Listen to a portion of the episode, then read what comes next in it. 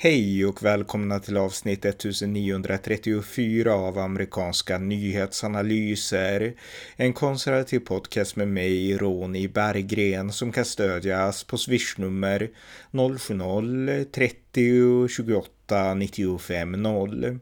Här följer ett samtal med journalisten Pelle Zackrisson som har intervjuat den amerikanske islamkritikern Robert Spencer efter att den har gjort en kommentar om de senaste korankravallerna i Malmö. I intervjun som kan läsas på pellez.substack.com konstaterar Robert Spencer att Sverige kan välja mellan att ha egna lagar eller att kapitulera för sharia. Varmt välkomna! Pelle Zackrisson, välkommen! Tack! Det är ju mycket prat nu om upplopp och eh, ja, eh, korankravaller och liknande i Sverige efter den senaste koranbränningen i Malmö. Och eh, du har intervjuat en amerikansk islamkritiker, Robert Spencer, välkänd för alla som lyssnar på amerikanska nyhetsanalyser. Och du gjorde det av anledning att han uttalade sig om det som hände i Sverige. Kan du berätta? Ja, alltså han skrev ett inlägg på X, eller ja, tidigare Twitter, där han kommenterade då de här kravallerna. Han skrev att han tyckte att eh, lösningen är relativt enkel. Eh, för att förhindra samhällskollapsen så eh, behöver man utvisa dem som inte kan acceptera det svenska samhället. Ungefär så. Mm. Så då tyckte jag att ja, men det här är ju en röst som absolut eh, behöver höras för han har inte hörts i den här typen av eh, röster och kanske inte har hörts i eh, SVT, Sveriges Radio och så vidare.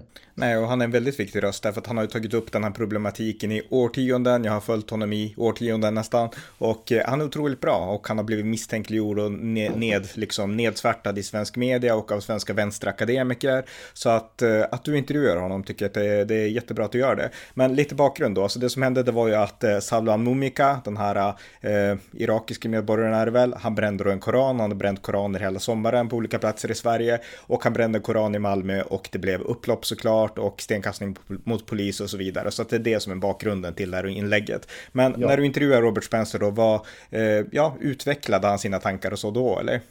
Ja, han, det han säger det är att det här är, ju, det här är liksom ett eh, naturligt eh, led i en, en strategi från islamister, muslimer, att eh, när det sker då han drog det ända tillbaka till eh, hur reaktionerna var efter Muhammed-teckningarna i Jyllandsposten 2005.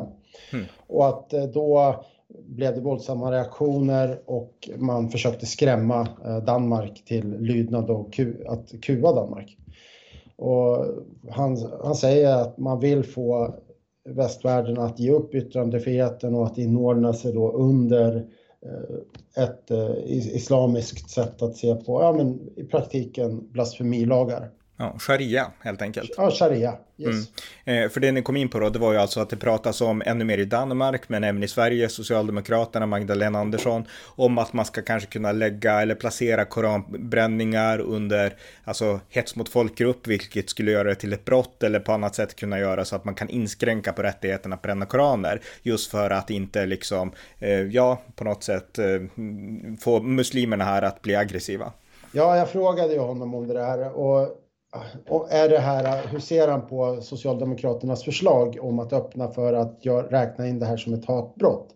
Och eh, Robert Spencer med sin eh, lite torra eh, humor svarade då att ja, det skulle vara en möjlig väg om man vill visa muslimerna att koranskändning inte är någonting man tolererar och att Sverige kommer att anamma islamiska blasfemilagar.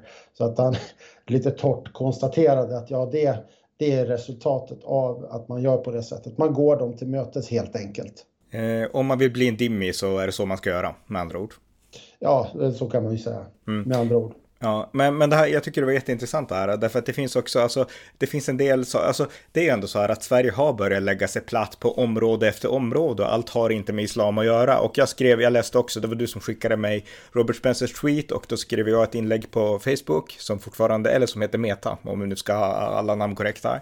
Och eh, då sa jag så här att eh, Robert Spencer har helt rätt, men det han inte förstår det är hur byråkratiskt och hur svårnavigerat Sverige är, därför att Robert Spencer är amerikan och i USA så kan man faktiskt, om man vill, göra drastiska förändringar. Det är egentligen bara att rösta så blir det av sen om liksom folket vill och politikerna vill. Men Sverige är ju liksom en snårskog av byråkrati och eh, jag vet att på Riks så intervjuades Peter Springare, polis, om eh, liksom de här upploppen då i Malmö som, som du intervjuade Robert Spencer om. Och Peter Springare förklarade att polisen till exempel, där finns det nu i liksom system att gå mjukt fram mot de här eh, specifika kravallerna i invandrarområden och det beror på olika akademiska teorier om rasism och så vidare som har infiltrerat polisen under lång tid. Och eh, det är ju saker som ett politiskt beslut kan inte förändra bara med en fingerknäppning. Vi har de här terrorimamerna 2019 som regeringen ville utvisa. Alltså det var sex islamistiska män som eh, bedömdes vara ett hot mot Sveriges säkerhet, mot vår nationella säkerhet och regeringen vill utvisa dem. Men det gick inte av den enkla anledningen att vi utvisar inte folk till länder där de riskerar tortyr och de här var medborgare i Irak och Egypten och länder som har en historia av att tortera terrorister. Och vi vill inte tortera terrorister så vi lät dem vara kvar och vi släppte till och med ut dem så de fortsätter predika nu här i Sverige sina liksom islamistiska budskap. Och ett sista exempel på det här Eh, det var bara häromdagen, den första december, i fredags.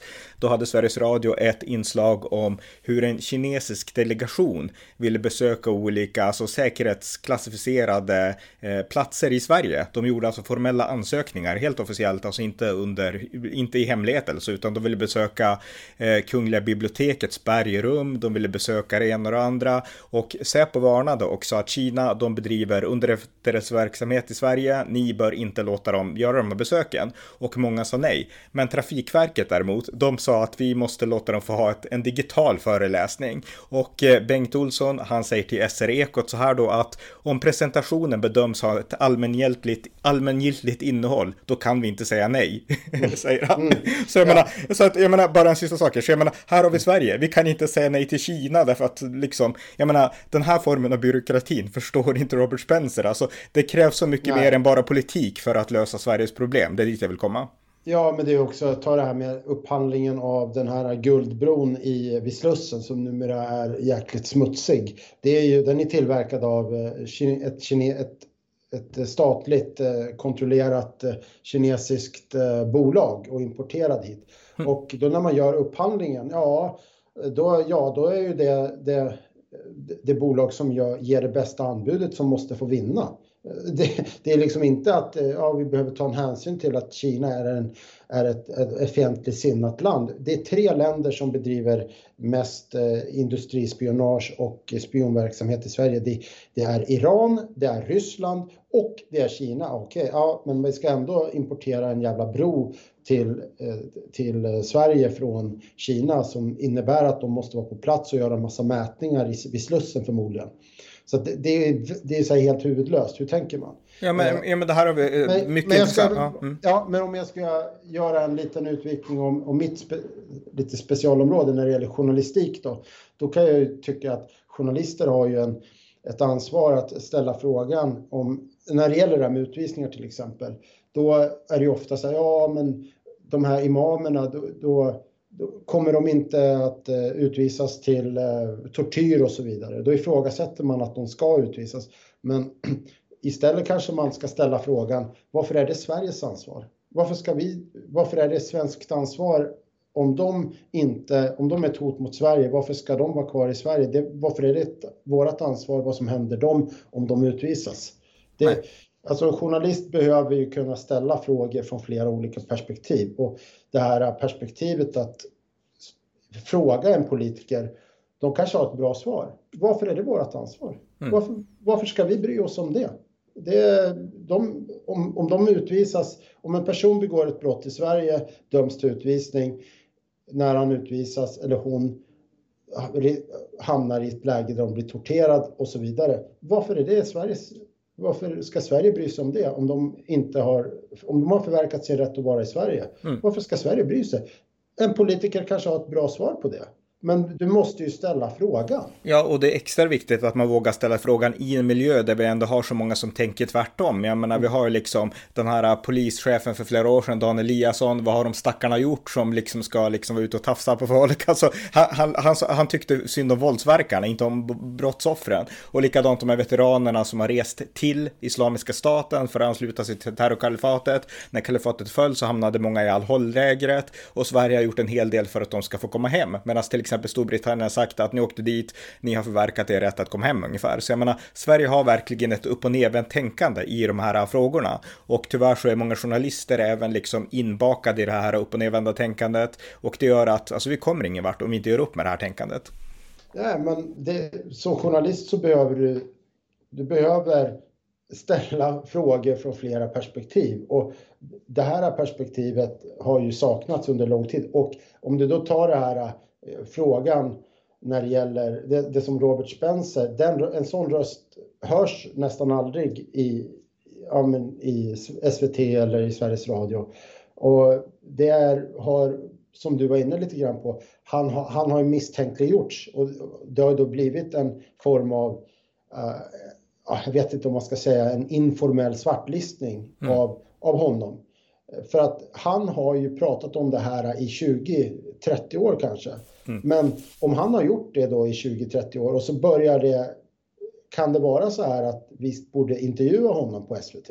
Borde Aktuellt eller Agenda eh, kontakta honom och be honom utveckla sina tankar? Ja, det kanske de borde göra och sen testa de tankarna mot någon annan eh, jag vet inte, mot någon som tycker att ja, men det här är inget problem. Mm.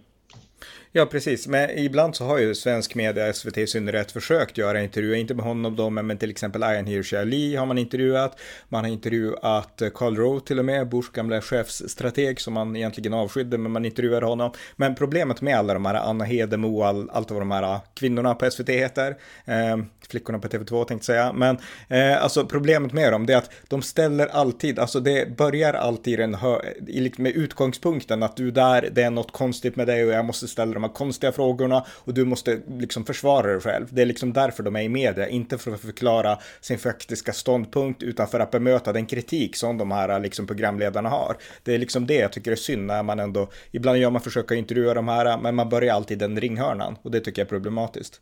Mm. Du håller med om det? Ja, men det är ju, det är ju, du behöver ju ha ett brett, eh, ja, du behöver ha flera olika ingångar. Mm, precis, precis. Ja, nej, men mycket bra att du intervjuade Robert Spencer och eh, ja, tack så mycket för det här samtalet. Tack. Tack för att ni har lyssnat på amerikanska nyhetsanalyser. En konservativ podcast som kan stödjas på swishnummer 070-30 28 95 0 eller via hemsidan på Paypal, Patreon eller bankkonto. Skänk också gärna en donation till valfri Ukraina-hjälp. Allt gott tills nästa gång. thank you